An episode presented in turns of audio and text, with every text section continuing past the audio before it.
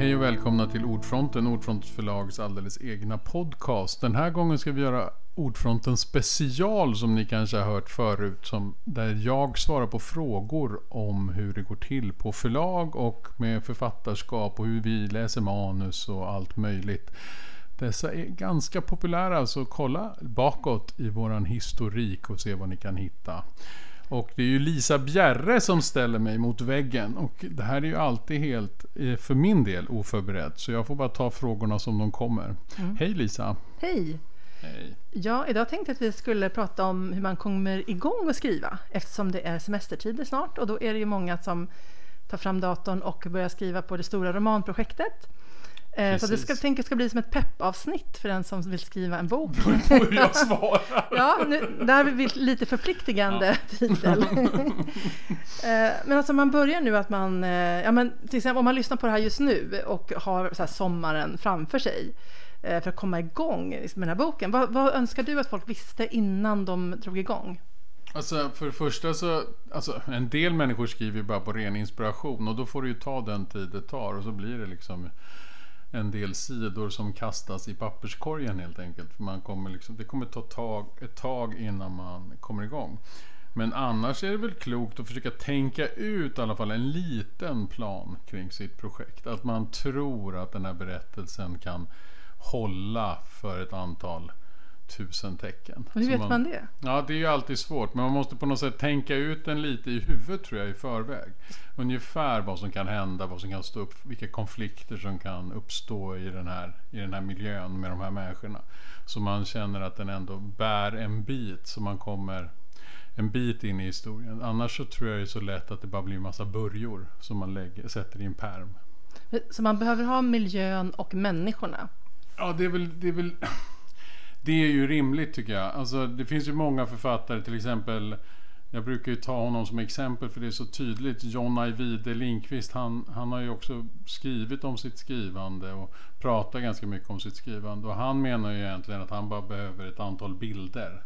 Och sen ska mm. de bilderna som han har framför sig, han har sett de här dramatiska bilderna och sen gäller det att binda ihop dem. Och det är det här sammanbindandet som sen blir liksom berättelsen. Det är som nyckelscener då som Precis. han vandrar mellan. Mm. Precis, och då brukar han ju säga att romanen är själva huset där de här bilderna sen hängs upp.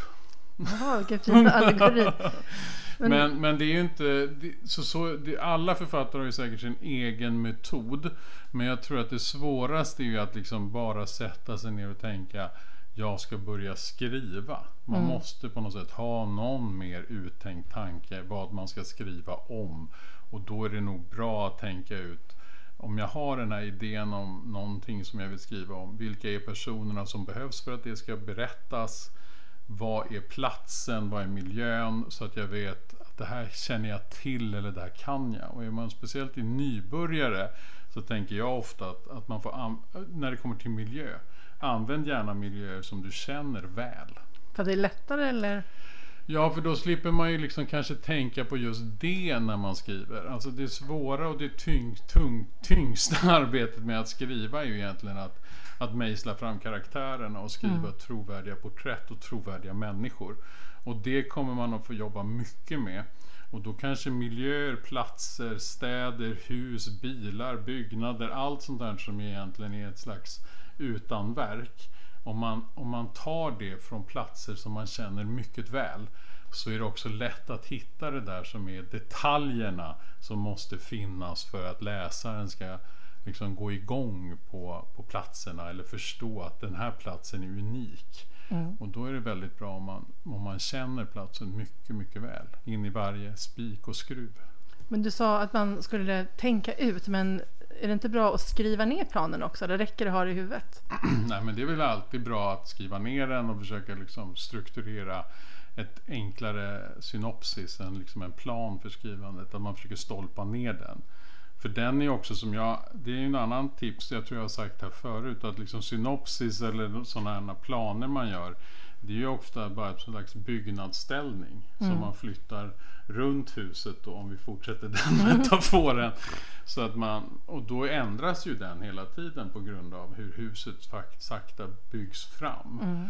Och då kan man alltid ändra synopsis och flytta och peta om. Men då har man ändå någonting att hålla sig i. Men hur, hur kan det se ut då, ett enkelt synopsis? Vad ska det innehålla?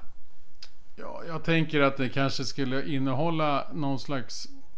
Ja, jag skulle nog gärna börja fundera kring nästan som i kapitel eller delar. De här delarna måste med och i de här delarna eller de här kapitlen måste dessa konflikter utspelas. De här personerna, när ska de introduceras och så vidare. Eh, det tror jag är en, en grundförutsättning. Eller ja, det är, det är så jag skulle göra. Lite enklare. Alltså kapitel för kapitel. Tänka ungefär vilka måste vara med där? Och är det flera tidsplaner är det ju bra att man har börjat strukturera upp det så det inte tjorvar ihop sig i slutet. Ja, för det kan ju vara ganska komplicerat. Mm, absolut. Och det är väl så också att olika texter behöver olika typer av synopsis. Ett, ett, om man ska skriva en deckare eller en thriller eller någon som, eller kanske till och med feelgood och så som är mer följer ett, kanske ibland ett ganska uttalat, det måste vara, för läsaren måste det ändå allting hänga ihop. Speciellt tider, platser, klockslag kanske till och med. Och att, att man introducerar vissa saker, vissa händelser i en viss ordning och så för att det ska bli logiskt. Då måste man ju ofta ha ett extremt bra och noggrant mm. uttänkt synopsis. Däremot om man skriver en skönlitterär roman som inte bygger på intrig lika hårt. Då tror jag att man kan vara mera fri i sitt förhållande till synopsis och kanske då hålla på att skriva sig fram. Men det beror ju på hur mycket tid man har och hur, mycket, hur, hur man ser på sitt romanprojekt. Jag menar, det finns väl de som kanske kan hålla på och jobba med det i, i fem år på fritiden och skriva mm. lite då och då. Och då kanske det flyter fram en helt annan berättelse än vad man tänkte från början och så. Men, men om man ska bestämmer sig för att jag har tre månader mm. att skriva som en sommar kanske är. Ja. Om man har tagit lite tjänstledigt och så. Då, då tycker jag nog att man måste ha ett synopsis och en plan.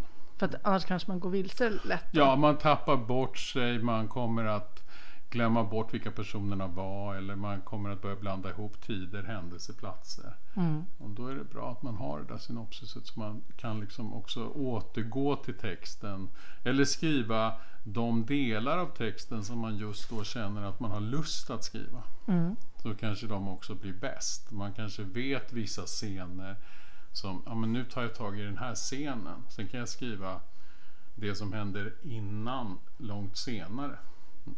Men det är ju, som du var inne på här, tar det ju en del tid att skriva en bok. Så det hade ju varit, jag tänker att det hade varit skönt om man redan då vid synopsisstadiet kunde veta så här, kommer det här funka eller inte? Kan man, finns det något sätt att veta det när du, du har ett synopsis framför dig? Någon, finns det någon man kan fråga? Kan man mejla dig? det ska man absolut inte göra. och framförallt inte nu inför sommaren. Nej. Nej det, det verkar dumt. Eh, eftersom jag, jag vill också ha semester och jag vill inte... Jag, jag, jag ja, du tänker så? Ja. Jag läser också sjukt mycket manus här precis före sommaren. Mm. Eftersom det är många som vill ha besked. Och då är inte bara oetablerade, opublicerade författare utan även publicerade författare vill veta massa saker om sina synopsis eller sina manus precis innan sommaren. Nej men, alltså egentligen är det så om det här håller eller inte, det vet man ju faktiskt inte förrän boken på något sätt är skriven. Men man kan veta kanske att idén är så stark så jag känner att jag måste skriva den här berättelsen. Mm.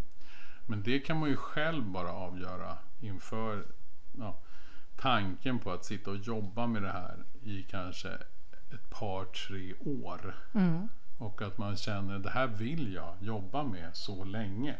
Det är ju liksom inte som att dreja en kruka eller så. Det, det kan tar man lite ju, mer tid. Ja, det här, tar ett, det här är ju liksom som ett... Det är ett stort åtagande att ta på sig ett, att skriva en roman. Och det tar ofta många år. Även om man själva skrivandet för en själv kanske bara tar ett eller två år. Så kommer det sen att ta ett eller två år på förlaget. Alltså det, tar, det är Just, väldigt den, mycket runt omkring det här som ska göras. Och sen om den blir utgiven så måste du prata om boken sen en ännu längre tid. Precis, så man ska ju leva med den här berättelsen. Ja, för vissa författare handlar det om att leva med vissa berättelser hela sitt liv. Mm. Och då måste man ju veta att den här historien var värdefull för mig från början. Så att man inte någon gång tröttnar och tycker att Nej, men det här var jobbigt. Ska de ändra igen i det här manuset? Åh, Ja. vad jobbigt. Åh, vad tråkigt. Alltså man måste på så sätt ändå känna Alltså man får alltid tröttna och vara lite sur ett tag på vissa saker men man måste ändå i grunden känna att det finns en glädje med det här projektet. Det var det här var, eller att det var otroligt viktigt av något skäl för mig att skriva det här. Mm. Annars så, så tror jag att man ska strunta i det. Eh, en fråga vi fick inför inspelningen var, Mm. eh, kan man börja en berättelse i mitten? Absolut, varför inte? Det kan man väl alltid göra. Det beror ju på vad man menar med mitten. Men alltså det är klart att man kan ju börja berättelsen precis var som helst. Sen beror det ju på om berättelsen ska sen, det som hände före, ska det komma som återblickar i boken? Eller ska man bara börja berätta där och sen kommer man på jag måste skriva hundra sidor Ja. före det här. Det kan man ju, alltså Mm. det har ju ingen betydelse. Man kan nog börja precis en berättelse precis var som helst. Man kan liksom skriva de roligaste scenerna först. Absolut, det är inga problem. Och det kanske ibland är, är bra. Men det är väl det att man kanske ibland också nu, eftersom jag sa att det tar så lång tid, har man skrivit allt det göttiga först på de första två månaderna och sen så sitter man bara med det tråkiga sen. Ja. Då kan det ju saknas liksom inspiration. Då kanske det är bra att spara någonting, någon scen som jag vet, till exempel slutscenen, jag kanske vet var det här ska hamna. Mm. Men då kanske man ska spara den. Eller om man vet någon annan dramatik eller någonting som man har gått och verkligen sett fram emot att få skriva. Det kanske man ska vänta med. Som en morot. mm. Så man orkar hela vägen fram. Ja. Ehm, om man tappar bort sig i berättelsen, nu var ju du inne på synopsis, men det Mm. kan ju också finnas eh, lyssnare som kanske har redan har en del text Mm. som kanske saknar struktur. Mm. Att man inte riktigt vet, alltså man tappar bort sig lite grann. Eh, var ska jag någonstans? Finns det några som knep eller verktyg för att strukturera upp en text?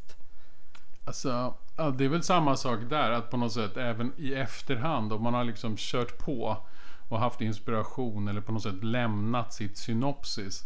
Då tror jag det är bra att stanna upp och tänka igenom där. Jaha, nu är jag här. Och sen innan man bara fortsätter skriva så man inte trasslar till det för sig än mer. Kanske stanna upp och verkligen försöka tänka igenom texten och tänka igenom vart ska jag, vad ville jag, vad var poängen med det här? Och börja liksom göra ett nytt synopsis. Man kan alltid göra ett synopsis. Ja, just det. för det- Oavsett var man Mm. är.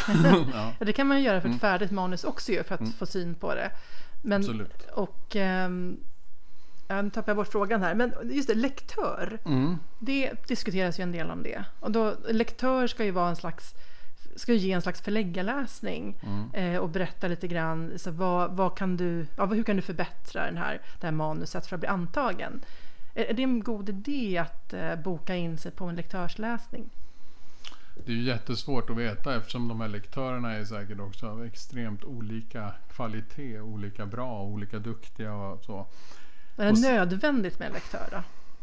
Nej, det är inte nödvändigt men det är klart att det är ibland kanske bra att få en hård läsning av sin text eller en liksom kritisk läsning. Även om man sen inte följer råden så är det bra att man har sett en massa brister i sin text. Mm. Och då är det bra med professionella läsare. Så att man kan väl säga som sådan att, att det är jättebra med någon typ av lektör. Det behöver inte vara en betald lektör. Men någon som man vet har koll på litteratur och hur en roman struktureras och byggs upp. Som läser den.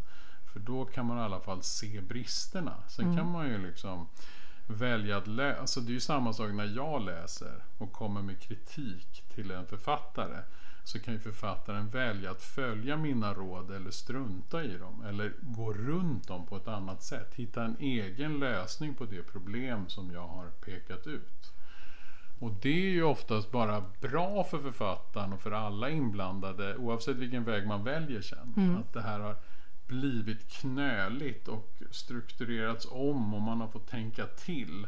För då kan texten liksom kanske hitta en ny nivå och, få ny fart och kraft. Så att det, det är nog bra att alltid ha någon, någon bra läsare. Och det behöver inte vara en betald lektör. Men någon som man litar på som också vågar säga vad han eller hon tycker. Ja, en familjemedlem eller en nära vän, kan det funka? Det kan funka om man kan verkligen lita på att den vågar säga precis vad den tycker och tänker. Så det är inte bara det här var jättegulligt eller det här var toppen och du är så duktig och så. Det, det ska man ju inte lyssna Det på. vill man inte höra. Nej, det, då, då, det ska man bli misstänksam mot. Som författare ska man ju liksom vänja sig vid att få kritik. Och allvarlig och sund kritik. Och liksom, det ska vara hårda tag. Alltså en text är ju nästan alltid på något sätt inte tillräckligt bra. Vad hårt. Ja men det är ju så. En text, till och med en utgiven färdig bok får ju sen kritik av, av kritiker och läsare och så. Mm. Och jag menar, det är klart att den boken, alla böcker skulle säkert kunna bli lite bättre. Och det är ju så med, tror jag, alla böcker. Även de som är kanoniserade eller sagt att de här är fantastiska. Så kan det säkert vara så att det finns ytterligare en nivå även på dem. Ja, Så- för någonstans måste man ändå skicka till tryck. Precis, och det är ju ett annat bra tips som, som både jag, ja, som jag och även då, då John Ajvide, vi har pratat om det någon gång, att det, det största med en författare är ju att den blir klar. Det är Just också, det. Det är också ett viktigt mål.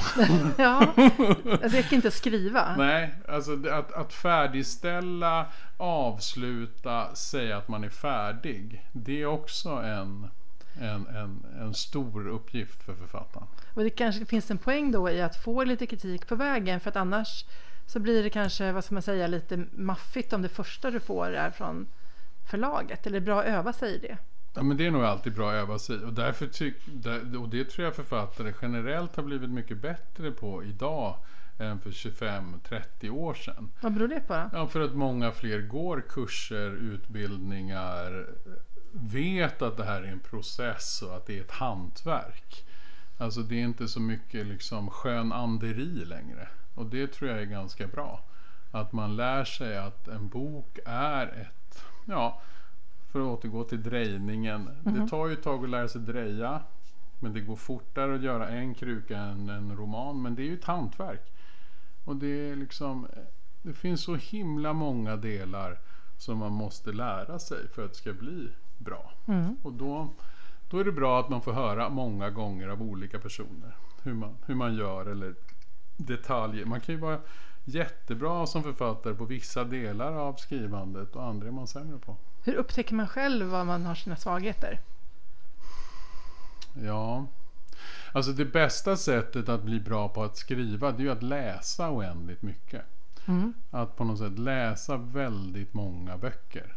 För när man läser väldigt många böcker och liksom låter sig inspireras av andra och låter andras liksom språk och finesser glida in i sitt eget språk. Det ska man ju liksom inte vara rädd för. Utan att liksom snegla på andra är ju ett jättebra knep för att bli själv och bli en bra författare. Sen ska man ju förstås inte kopiera av andra. Men att låta sig inspireras av andra så man knappt vet vad ens egen text är och vad Kerstin Ekmans text är eller P.O. Mm. Enquists text är eller vad det nu kan vara som man inspireras av. Det, det tror jag är, är ett bra sätt att bli en bra författare. Du var inne på det här liksom att det finns olika delar. Eh, som intrig, gestaltning, miljö, dialog. Finns det fler delar som man behöver behärska? Alltså, jag brukar ju också tänka på att man ska ha med alla, alltså alla sinnen när man skriver. Det är en sån här käpphäst som jag har som jag säger till alla författare. Att man ska liksom få med alla sinnen. Att man inte upplever liksom en roman genom bara ögonen.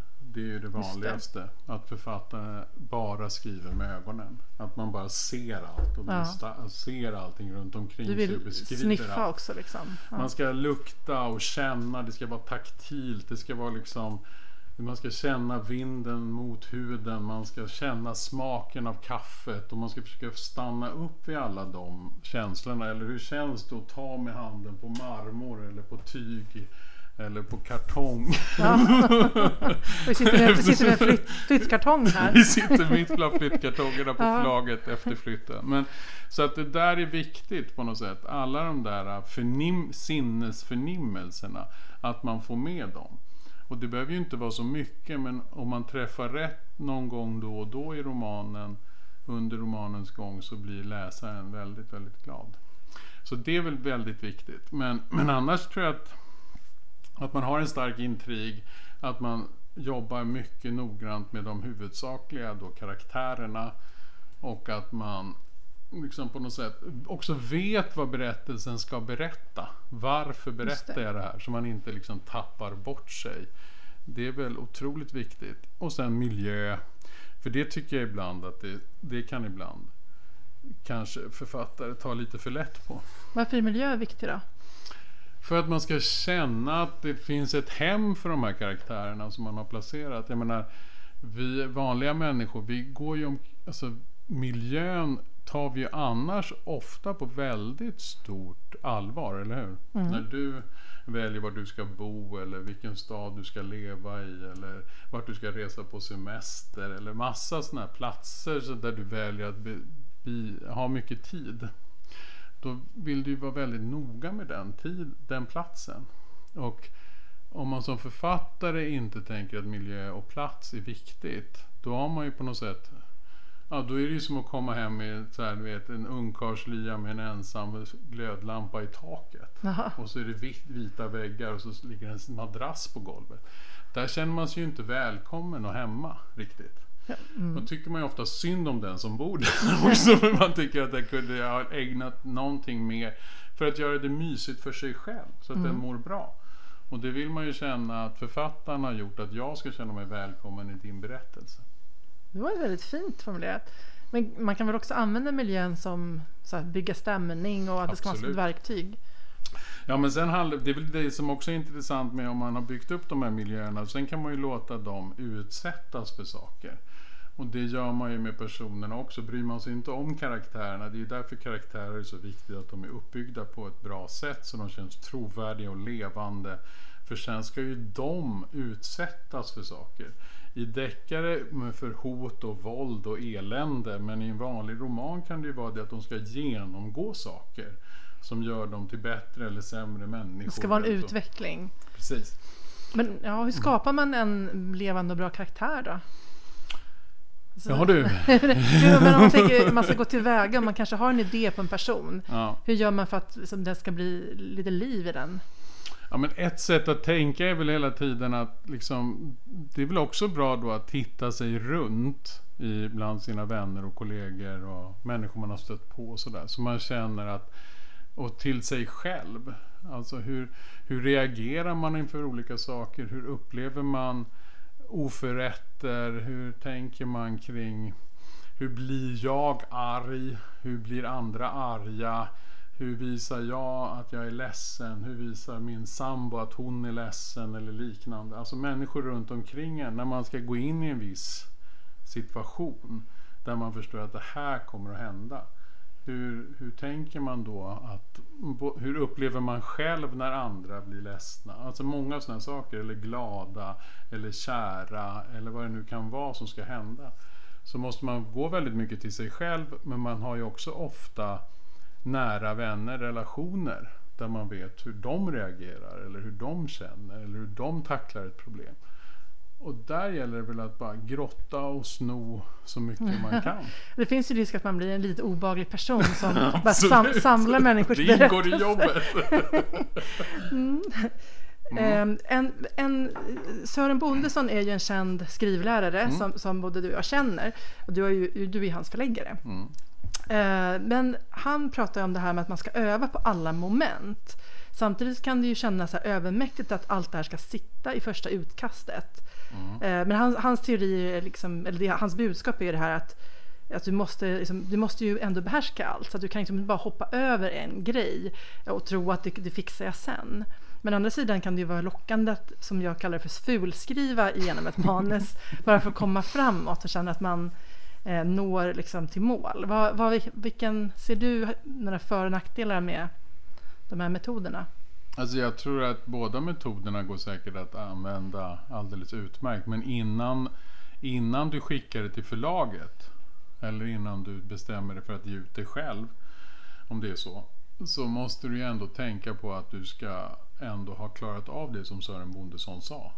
Mm. Manuset, du ska ju behärska alla delar av ma- romanskrivandet så bra som du i alla fall kan. Du ska ju pressa dig själv så långt som möjligt innan du säger att du är färdig. Man- och då man- kan man ju förstås skriva sig igenom berättelsen och så känner man så här, men nu har jag ju hela berättelsen. Sen kan man ju gå tillbaka till den och uppleva att ja, men här fanns det ju en brist. Eller här tycker jag nog inte den här konflikten är tillräckligt tydlig. Eller de här människorna reagerar väldigt konstigt. Eller här, alltså hitta alla brister i efterhand. Man kan inte skicka in och säga så här, obs, miljöbeskrivningen lägger jag till senare. nej, det, Nej, det funkar inte. skicka, nej det, det funkar inte alls. Nej, vi måste ha. Det är därför också det är så svårt tycker jag att anta egentligen manus innan jag har hela texten. Och, Alltså det är framförallt när det kommer till skönlitterära manus. När det kommer fackboksmanus och idéer då kanske det är lite lättare. Eftersom en journalistisk text kanske inte behöver alla de här delarna. Det är Just just, det. när det blir ett, en, liksom, en berättelse av det där du också ska känna en massa saker eller uppleva de här karaktärerna på ett nära sätt. Det är, då, det är ju då det blir svårare att förstå om den här författaren kommer lyckas med det eller inte. Alltså gestaltningen. Kan författaren det? Eh, Det här med dramaturgiska modeller, är det någonting du ser är hjälpsamt för dina författare? Jo, men det är väl också så att dramaturgiska modeller är ju huvud... Alltså det är ju alltid ett, en fördel och en hjälp. Så att man kan ha någonting att hålla sig till och förstå att jag måste ha den här kurvan i mitt, i mitt manus. Men, men samtidigt är det ju så att det är ju inte alla romaner som är uppbyggda eller behöver vara uppbyggda på det sättet. Det är klart att det är i en del genrelitteratur som i, i thrillers eller i eller i feelgood eller liknande så kanske det är vanligare att man följer den kurvan för att det är där finns det kanske massa andra saker man vill berätta under hand än att det bara är en, en person som genomgår en utveckling. Och då kanske det var viktigt att hålla sig till det.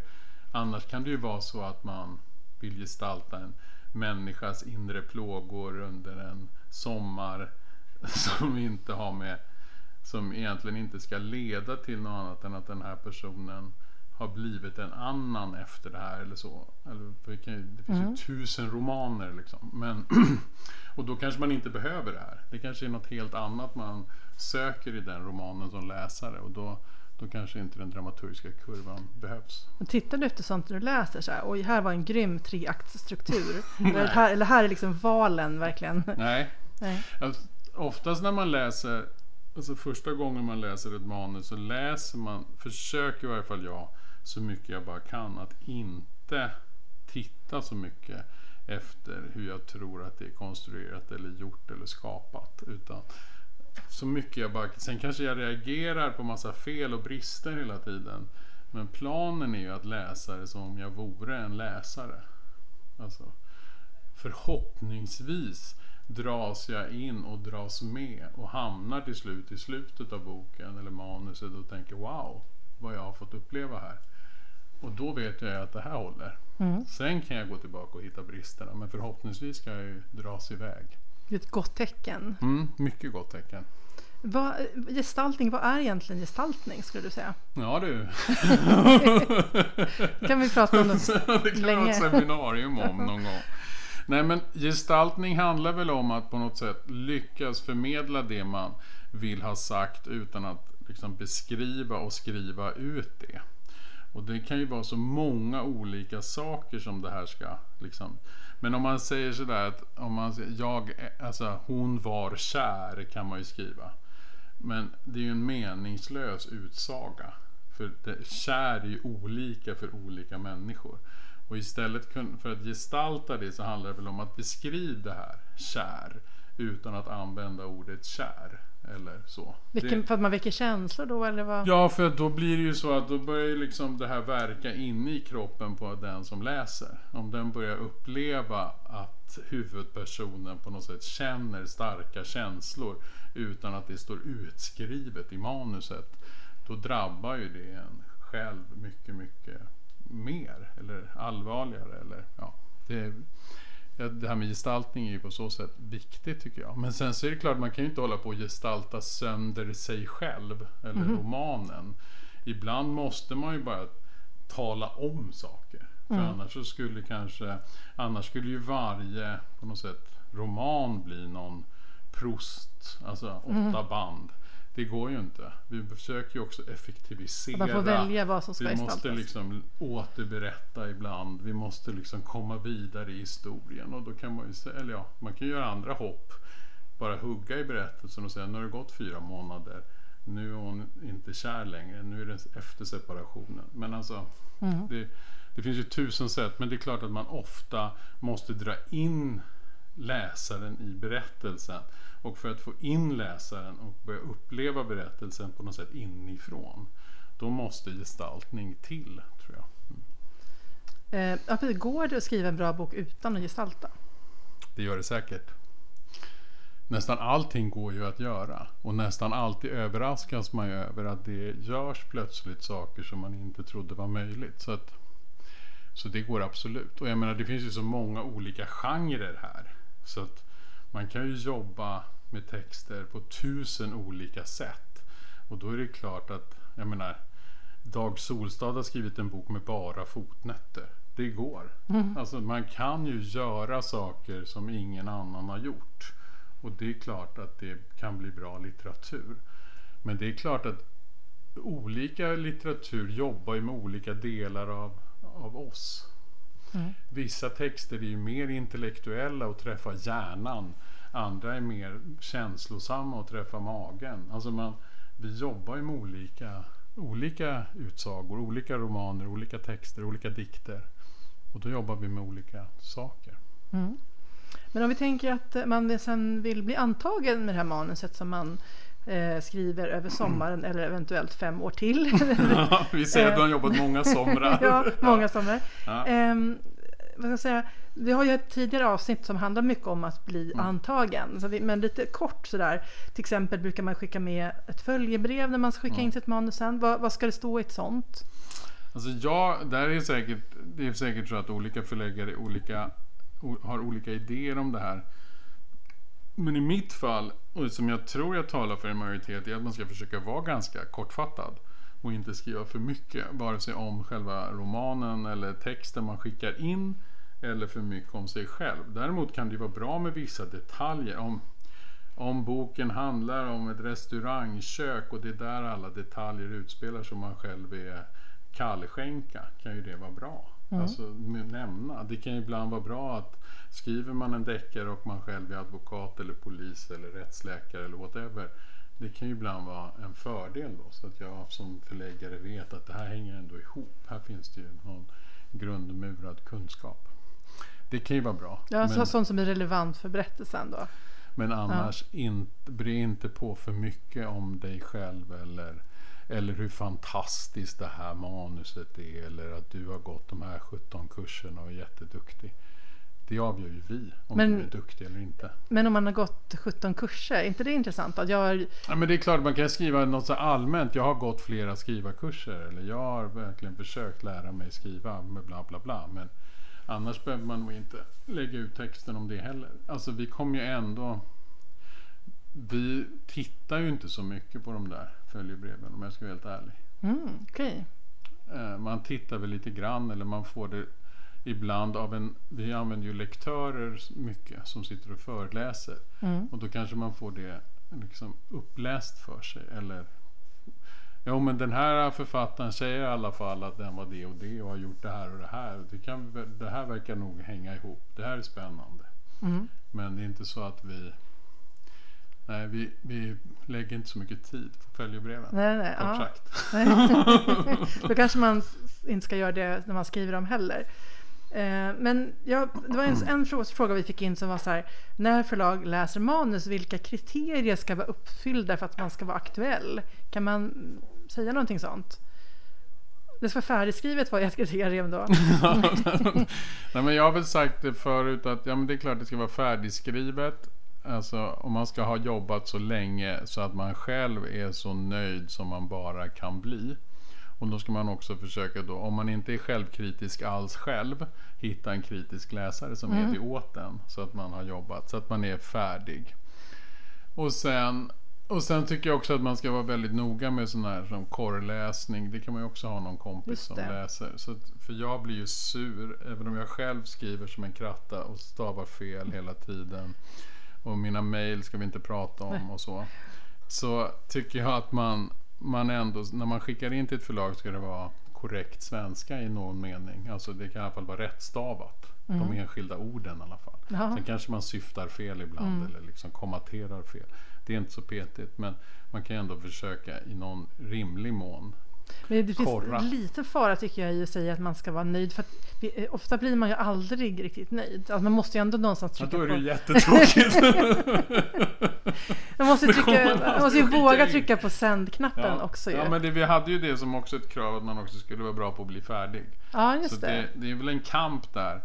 Och då kanske det är så att faktiskt något jag upptäckt generellt är att eh, nu vill inte jag vara fördomsfull men män borde tänka några gånger till och läsa några gånger till och faktiskt tjafsa med sin text mer. Och kvinnor kanske ibland skulle faktiskt våga tänka att det är färdigt och skicka in. Det är tyvärr fortfarande en sån uppdelning i kön tycker jag. Mm. Att män är slarvigare och upplever sig själv som bättre än vad de är. Och tvärtom med kvinnor. Och det tycker jag, så kvinnorna kan få en liten, fortfarande en liten push där. Det låter bra. De, de, de ska sluta innan de blir nöjda. Inte riktigt. Men, då får de det i retur kanske Ja. också. Men, ja. Men eh, en annan fråga som kommit in från en vän till mig då. Finns det någon maxålder för alltså, hur gammal man kan vara när, ni blir, när man blir antagen? Eh, som till exempel som, som hon är 69 och hon tänker att jag kanske bara hinner skriva tre böcker till. Kommer det vara liksom ett hinder? Nej. Kort svar. Nej, bra. Mm. Ingen ageism eller vad heter det? Ålderism? Nej, men Orsak. alltså det, det tittar vi ju inte heller. Alltså hur ska vi veta hur gammal någon är om den då inte har skrivit i följebrevet? Har ju inte börjat med det. Nej, Jag- så här, jag är 82 Ja. och jag har tänkt bara skriva en bok. Och den är ganska kass. Ja. Det är en dålig inledning på ett följebrev. nej, men alltså man måste ju... Nej, det tror jag inte... Det, det har vi hittills inte funderat på. Nej, Nej. Låter ju mycket bra. Mm. Eh, och en annan fråga här. Här en del skriver eller en del skriver ju, det finns ju många som skriver fantastik eller magisk realism. Mm. Och, eh, alltså hur ser chanserna ut då på traditionella förlag? Ja, alltså det... Det är ju jättesvårt att säga. Det är ju samma sak ha, när... Alltså det, det går ju inte att prata om generellt. Det är klart att kommer den fantastiska historien som är någon slags magisk realism som vi tycker är fantastisk så kommer vi att ge ut den. Det, det utgår ifrån. Man kan inte säga någonting tror jag om genrer i största allmänhet. Det går liksom inte att uttala sig om. Eh, Men ni är väl inte ut särskilt mycket? John Ajvide skriver ju så, men, men annars har vi inte ni så stor utgivning inom. Nej, men det är också det att vi får ju inte så mycket som är bra inom den genren. Så att, och sen så är det väl kanske det att vi, man måste ju också begränsa sig. Alltså, ofta är det väl så att det vi gör, eller det folk ser att vi har gjort i vår historia, det är det också folk vänder sig till vårt förlag med. Så att man, jag tror att många förlag har lite olika deras manuskorgar ser olika ut. Även om jag tror att vi och Norstedts, Bonniers, Natur och Kultur, Lind och Company är så pass stora så vi får liksom en ganska stor bredd. Vi får lite allt möjligt.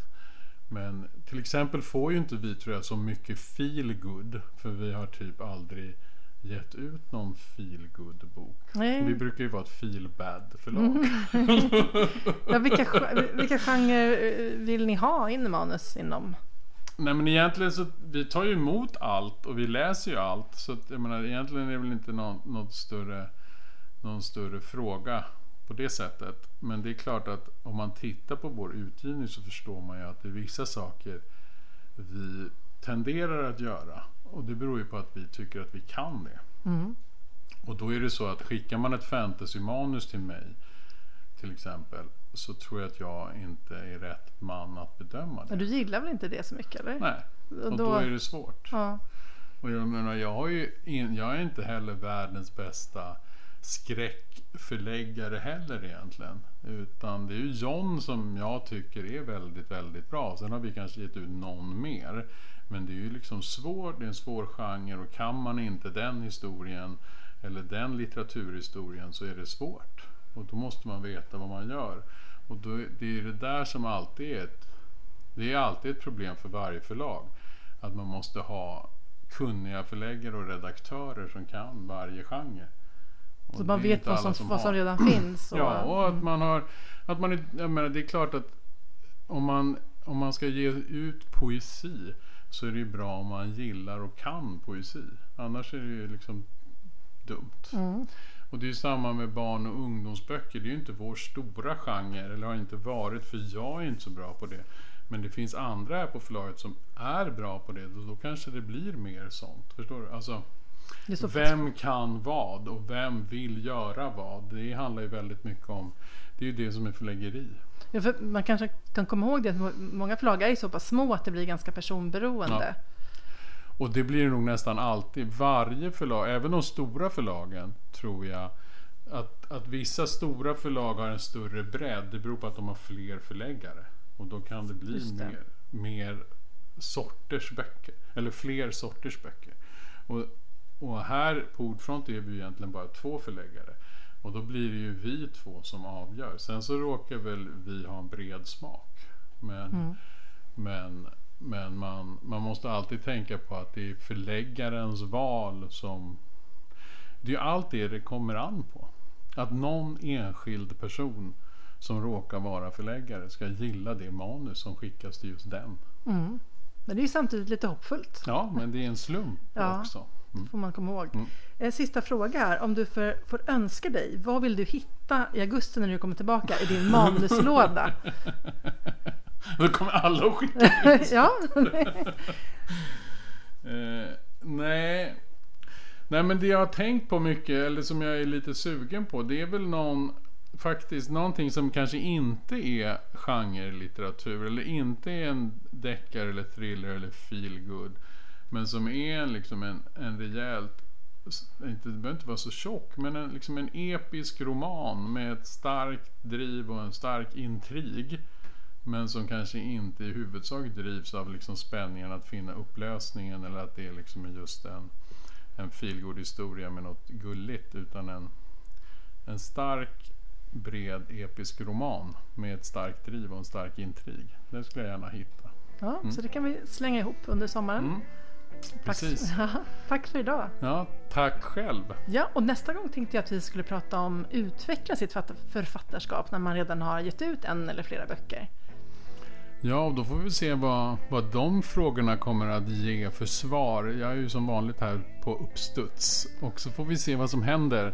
Men det här är ju då flera avsnitt som kommer handla om det här med att hur man både Ja. blir antagen och hur man fortsätter. Och när man lyssnar på det här så ligger de redan ute faktiskt, så att man kan direkt kasta sig över dem om man vill.